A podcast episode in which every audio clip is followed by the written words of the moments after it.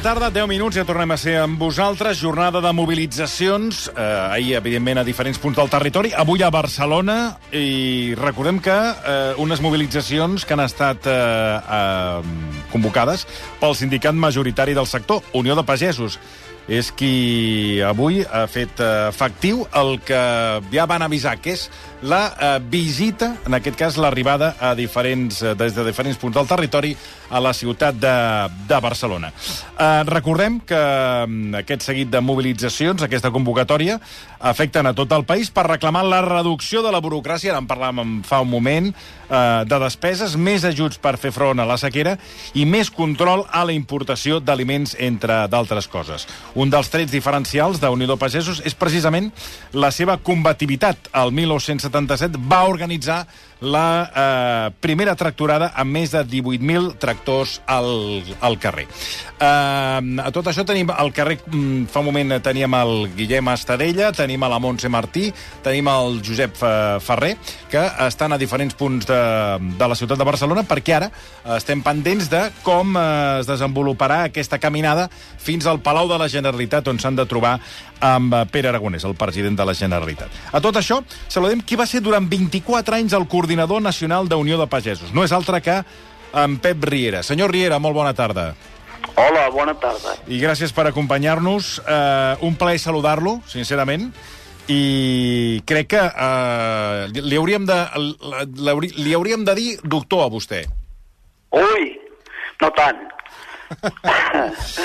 tampoc, tampoc. Home, Eh... El que passa que quan arribes a una certa edat i has practicat sempre durant anys i panys el mateix ofici, eh, home, acabes aprenent alguna cosa, no?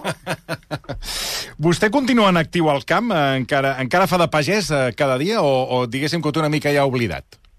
Ma, jo tinc 82 anys, però com que visc en una casa de pagès, enmig dels conreus, com passa en gairebé totes les masies, doncs els pagesos, fins que ens morim, si no treballem, trastegem, però no ens desconnectem de l'ofici, no.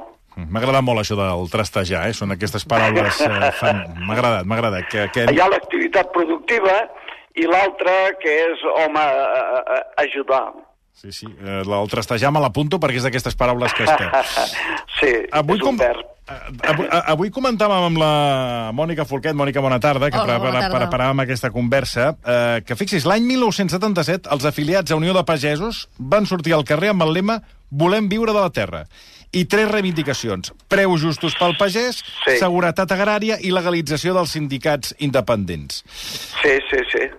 I estem... Certament, i té vigència encara. Vol dir que, que no han avançat pas massa, sí en la legalització dels sindicats, però en altres aspectes queden un munt de signatures pendents i que jo penso que és el conjunt d'aquestes assignatures, el, el no treballar-les, o, o passar-ne olímpicament des de les esferes polítiques, que provoca també desencís i abandonament. I si no és abandonament, és manca de relleu generacional, que al capdavall és el mateix, no? Mm. Um, amb tots aquests anys de, de lluita, no només al sindicat, sinó com a pagès, que ara ho comentàvem des de l'any 1977, què és sí. el que no, no s'entén per part de, no sé si l'administració, per part de la ciutadania, eh, o sigui, que, estic, que estiguin una altra vegada la ramaderia, l'agricultura, la, demanant el mateix que l'any 77? Aquí hi ha alguna cosa que falla, el que no sé exactament què, sí, és el que falla. Bé, aleshores, no havíem entrat, faltaven encara gairebé 10 anys, a la, el que ja es començava a anomenar la Unió Europea, no?, per tant, formàvem part d'un país amb una política agrària que contemplava, entre altres coses, eh, aranzels proteccionistes. Aranzels proteccionistes respecte a les importacions d'altres països, perquè quan, que llavors, durant el franquisme, quan els hi convenia, per exemple, per exportar Pegasos o Barreiros a l'Argentina, acceptaven no cobrar en dòlars o divises, sinó cobrar amb carn congelada, amb cereals, etc. I també ajudava, ja en aquella època, a rebentar el mercat interior, no? Per tant, la cosa ve de lluny. Sí, sí, sí, sí, sí vostè m'ho situa a l'època franquista i tant que ve de lluny. Um, uh, senyor Riera, quan anem a comprar trobem tomàquets del Marroc, taronges de Sud-àfrica, pomes d'Itàlia, de Suïssa o França, entre molts altres productes. Però el cert és que l'augment generalitzat dels preus ha provocat que moltes famílies s'estimin més comprar barat sense tenir en compte l'origen del producte. La, pregunta, eh, la pregunta que li faig és, a veure, com, com es podrien garantir els preus justos pels pagesos i alhora que la gent amb rendes més baixes pugui permetre's comprar productes de, de casa nostra, del país? Sí, una cosa hauria d'anar a canvi de l'altra. És a dir, eh, la qualitat dels productes i la seguretat alimentària, cada cop més important des dels de anys que fa que ja s'utilitzen agroquímics, doncs eh, hauria de ser eh, a canvi de que la gent comprés prioritàriament productes de proximitat, allò que se'n diu garantir la sobirania alimentària. Nosaltres hem de fer campanya, però les institucions també, per donar garanties a la població de que els productes de proximitat eh, tenen l'aplicació de totes les garanties que dimanen de la normativa europea, que és molt estricta, no? Clar, aquesta, garant, aquesta garantia amb productes d'importació que moltes vegades no se sap d'on venen perquè dieu o són del Marroc, o si hi ha etiquetes, si van etiquetats, no sempre aquests productes van etiquetats i la gent Correcte. pot pensar que aquelles eh, mm, taronges o mandarines que ha comprat pensar-se que són del Baix Ebre o del País Valencià, doncs han vingut de Sud-àfrica. Si no van etiquetades, això no es pot saber. La gent té el dret a triar, evidentment. Hem de fer pedagogia i hem de convèncer la ciutadania del nostre país, com, a, com ho saben fer molt bé els francesos, doncs de que els nostres productes garanteixen la qualitat i sobretot la seguretat alimentària. Que passa que el preu, senyor Riera, sovint és el que determina moltes vegades que, que, que s'acabi escollint un producte i no un altre. És a dir, que mm, sovint vas al supermercat o, i, i, i trobes doncs, que determinats productes que realment eh, tenen una qualitat excel·lent eh, en tens al, al costat uns altres amb, amb, un preu que, que hi ha gent que mm, potser no pot triar. És a dir, directament no pot triar.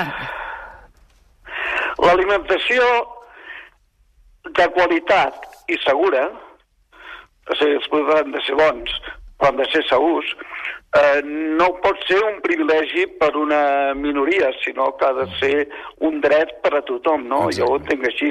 Per tant, potser cada cop més, en comptes de parlar de política agrària, hauríem de parlar de les condicions per una veritable política alimentària, no? I, clar, d'aquesta forma motivaríem i implicaríem el conjunt de la ciutadania que menja cada dia, perquè, és clar, els pagesos, pes polític i pes social, eh, eh, en tenim cada cop menys. Si érem un 8% de la població activa quan es va fundar el sindicat l'any 74, eh, doncs ara no arribem ni de lluny a un 1%, i aquest 1% encara envellit. Eh, per tant, no tenim pes, però si comptem amb la complicitat del conjunt de la ciutadania que entén quin és realment el problema i en què hauria de consistir una veritable política alimentària, home, llavors sí que tindrem pes perquè serem molts. Després també eh, parlem de productes de proximitat, però, però fins... És a dir, fins on podem dir que un producte és de proximitat? Perquè hi ha botigues que sembla que, que posen a tot, que tot és de proximitat i, i tampoc saps destriar ben bé una cosa d'una altra.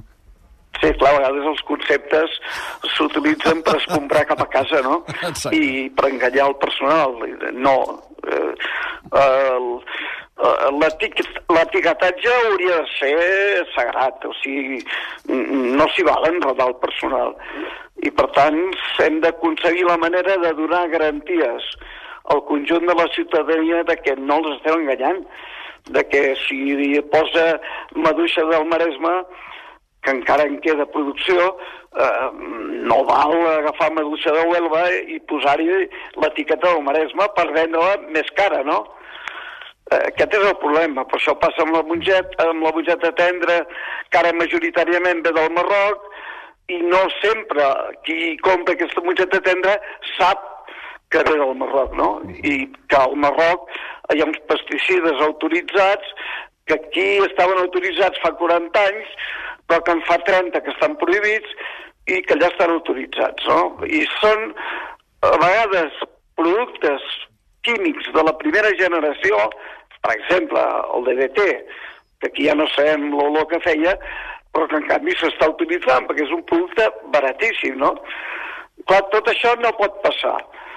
Uh, si la gent se sent enganyada, allà malament, perquè llavors comprarà el, el que trobi més barat sense complicar-se la vida.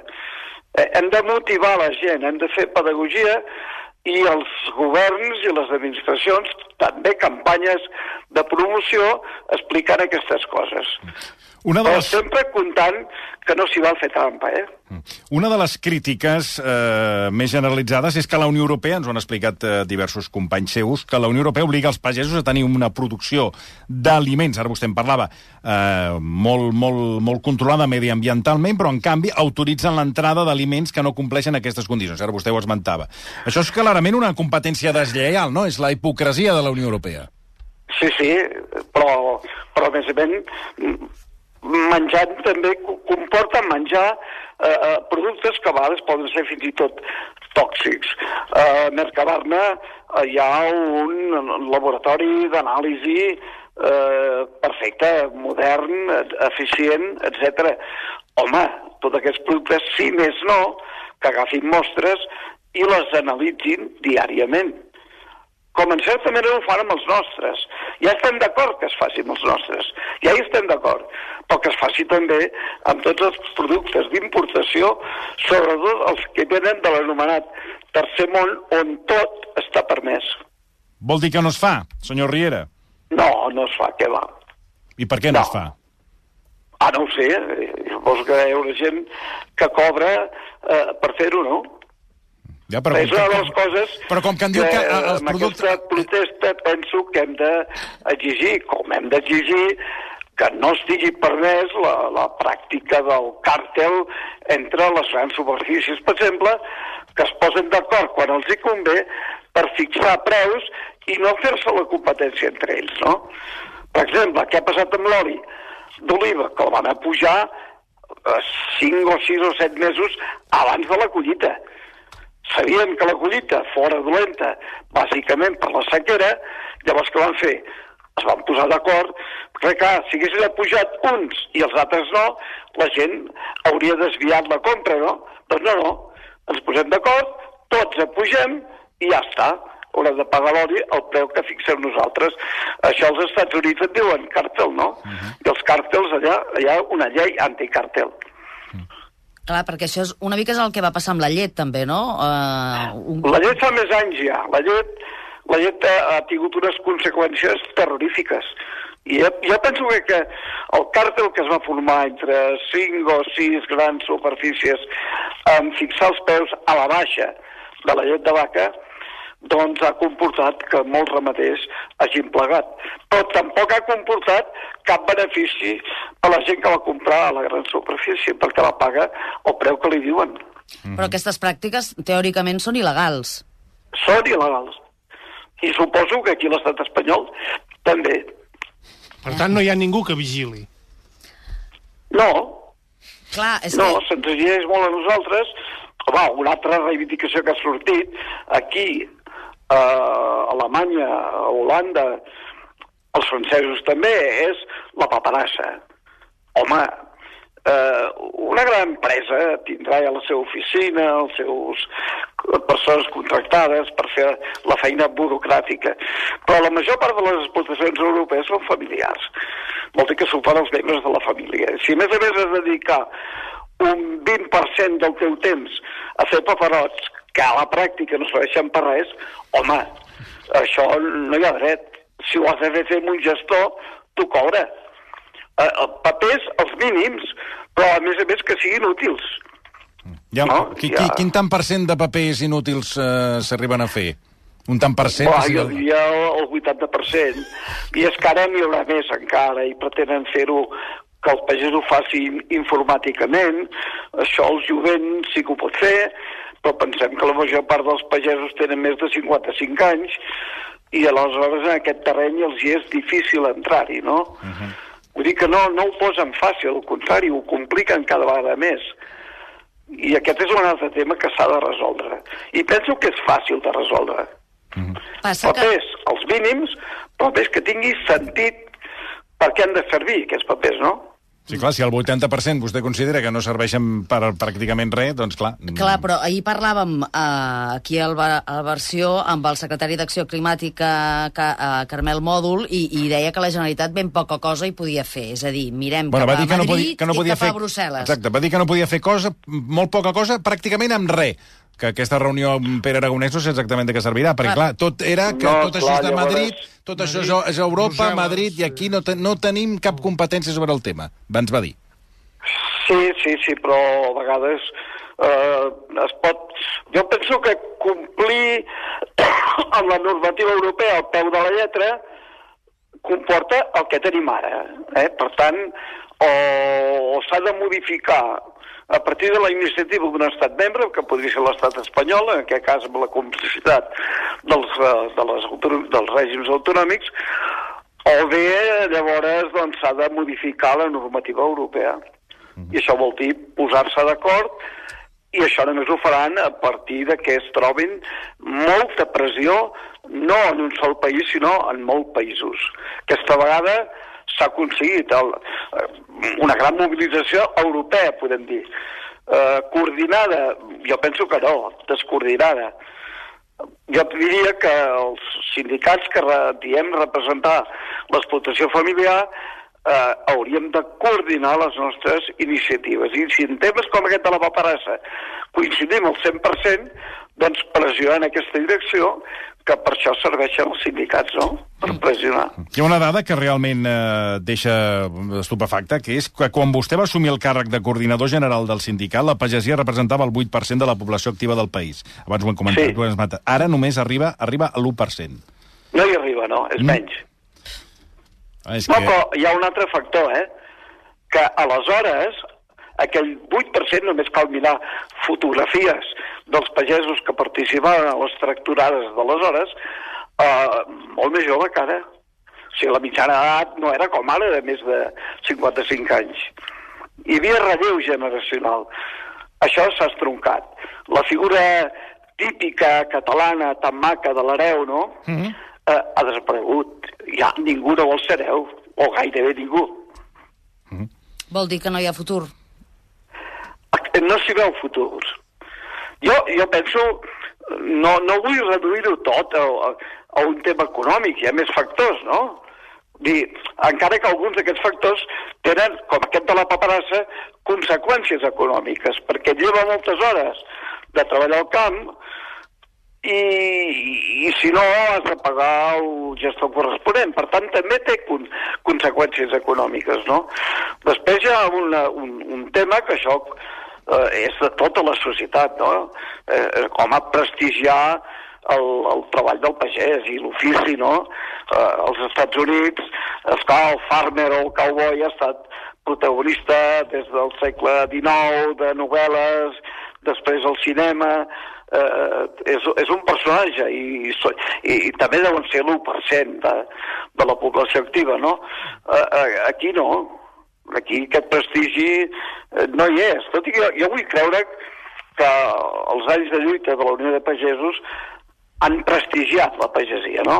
Sobretot, però mm, s'hauria d'aconseguir més. Penso que el jovent que s'ha d'incorporar eh, no en té prou encara. Necessita més. De fet, ahir parlàvem justament amb en Ricard Huguet, que sense tenir vincles previs amb la pagesia, ara fa de pagès, i ens feia una reflexió que estaria bé recordar-la. perquè no pot ser un ofici que ningú sorprengui que algú pugui triar perquè, perquè vulgui, no?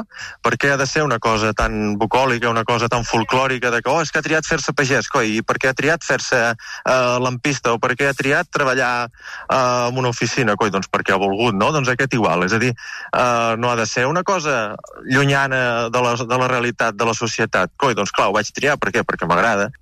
Clar, aleshores, com es creen Sí, les sí. condicions perquè aquells que... Total, totalment d'acord. Uh, nosaltres diem que uh, el relleu generacional s'ha d'aconseguir, uh, en primer lloc, del, dels fills o nets dels propis pagesos, però també d'aquells joves de ciutat que han volgut lliurement escollir l'ofici de pagès, que han estudiat a escoles d'agricultura, que n'hi ha moltes, eh, però que després, és clar, això també s'hauria de contemplar en el marc d'una política agrària, com fa França, eh, que resolgui una cosa tan important, per exemple, com és la tinença de la terra, que no vol dir únicament en règim de propietat. Clar, nosaltres, jo mateix, eh, soc pagès perquè el meu avi ho era, la terra qui la va comprar, doncs el meu avi, el pare va continuar, els pares, els pares van continuar, i, i jo ho transmeto eh, als fills. Per tant, el, els fills, i ara ja s'han incorporat dos nets, no parteixen de zero. Tenen una terra que els hi ve eh, per herència familiar, però un, un jove de, de ciutat eh, aquesta terra no la té. Eh, I en canvi hi ha terres abandonades o hi ha terres de, agrícoles dedicades a l'especulació, no? Eh, a França, per exemple, això no és possible. La llei no ho permet, no? I a més a més tenen un fons de terres, les AFER, que fa possible que aquell pagès que per raons d'agricultura extensiva, per exemple, necessita ampliar l'explotació, trobi terra, i que eh, aquell urbanita francès que vol fer de pagès també trobi terra. Aquí partim de zero, i això eh, és un altre tema que, que hauria de formar part d'una política agrària d'estructures. Però aquesta política agrària d'estructures no depèn de la Unió Europea. La Unió Europea aquí no s'ha volgut arremangar mai i l'ha deixat que sigui competència exclusiva de, dels estats membres, no? Mm -hmm. En Ricard Huguet també ens, ens deia que està convençut que sí que hi ha futur per tots els que es dediquen a la terra. Pues clar que té futur. Té futur, però ens han de deixar tenir futur. Això jo ara pregunto també, eh, perquè estem aquí molt centrats en la pagesia, que, que és un sector, bueno, ja, ja, ja ho esteu veient, no? Però i les petites ferreteries, i el petit comerç de barri, i, els petits artesans. És a dir, potser és un model de societat i un model econòmic que ens està portant cap aquí. L'únic és veritat que la pagesia ja hem arribat al límit ja de, de, de, de, de que ens volen fer normalitzar la precarietat i l'agonia. I això, doncs mira, ens hi rebel·lem, no? perquè, perquè no ens dona la gana. Volem viure també dignament de, de la terra. La globalització que ens van vendre tant en el seu moment, senyor mm. Riera, eh, és el que d'alguna manera ens està matant? La? La globalització en tots els ah, àmbits. Oh, sí, esclar, però eh, eh, aquesta globalització abans de la reforma que es va començar, de la reforma de la PAC, que es va començar a aplicar l'any 92, eh, no, no existia, perquè hi havia una protecció en fronteres respecte, i a més hi havia preus de garantia, no per tots els sectors de producció, els intensius pràcticament no, però per als extensius sí. Tot això, amb la reforma de la PAC i les conseqüències de, de, dels tractats internacionals que van signar aquells anys, doncs ha desaparegut, no? Avui estem en un mercat realment globalitzat a la pràctica gairebé el, el 100%. Només cal treure el nas a Mercabarna i te n'adones que allà hi ha productes de, de pràcticament de tot el món. No? Això, això és la globalització. El que passa que hi ha sectors que aparentment se n'haurien de sortir eh, a, a partir de, del, dels ajuts que reben, per exemple, els cereals, no? Eh, però tampoc és així, perquè rep la mateixa, eh, la mateixa subvenció un cerealista de l'Europa humida amb uns rendiments molt alts que un de la Sagarra amb uns rendiments molt baixos. I això no es té en compte. Mi, uh, no sé si, Mònica, vols uh, afegir alguna última qüestió? No, aviam, abans comentàvem uh, el, el, el que representa la pagesia... Calla. S'ha penjat. Ai. Sí, l'hem perdut, l'hem perdut. Uh, que, a tot això, la Esther Muñoz. Esther, bona tarda. Que Bona tarda. té un recull de comentaris d'aquesta conversa tan interessant. Sí. Recordem que estem parlant amb Pep Riera, Uh, un, home, un home al que sempre jo històric. he, he tingut una admiració, eh, un home i un home històric, per això li he dit que vostè hauria de ser doctor, perquè a vegades es- s'anomena doctor a segons qui, que dius, bueno, Que dius que no cal. està bé, No però saben potser Riera sí, perquè és un doctor, ho estem experimentant amb la conversa que estem tenint, no? Uh, què diu la gent? Doncs mira, estem rebent moltes comunicacions a través del correu electrònic de les xarxes, eh, hi ha oients que ens envien preguntes, altres eh, directament que fan reflexions. En Jaume, per exemple, diu per què no hi ha mercats de proximitat amb paradistes de pagès directament com hi ha a França, per exemple. Exacte. En Joan també ens diu la competència deslleial també passa entre països de la comunitat. Eh, ell ens explica eh, que treballa a una agropecuària, a agropecuària Quatre Vents, i que eh, produeix llet. Diu, masses vegades el consumidor tria el producte de fora en detriment del de casa. Però penseu que els de fora no en venen el millor producte. És més, en venen el que no en volen. Doncs hem recuperat el Pep Riera, que teníem una última pregunta de la, de la Mònica Folquet. A veure, anem a... Sí, abans d'acabar, eh, un dels elements també eren les ajudes que es reclamen per fer front a aquesta sequera que, que estem patint i vostè, que és pagès i, i que ja fa molts anys doncs, que, eh, que s'hi dedica, si havia viscut abans una situació tan límit com la d'ara, si creu que això respon o no haver fet els deures quan tocava.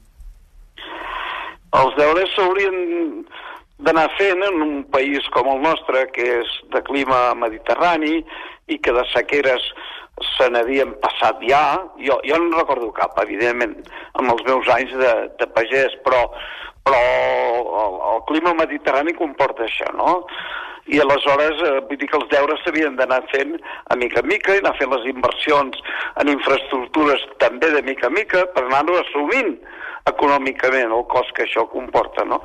Eh, ara, per exemple, se m'acudeix una cosa. El, els regadius històrics del canal d'Urgell, mm. doncs, clar, segueixen funcionant com, a, com quan es va construir al segle XIX, no? Per tant, rec per inundació, no?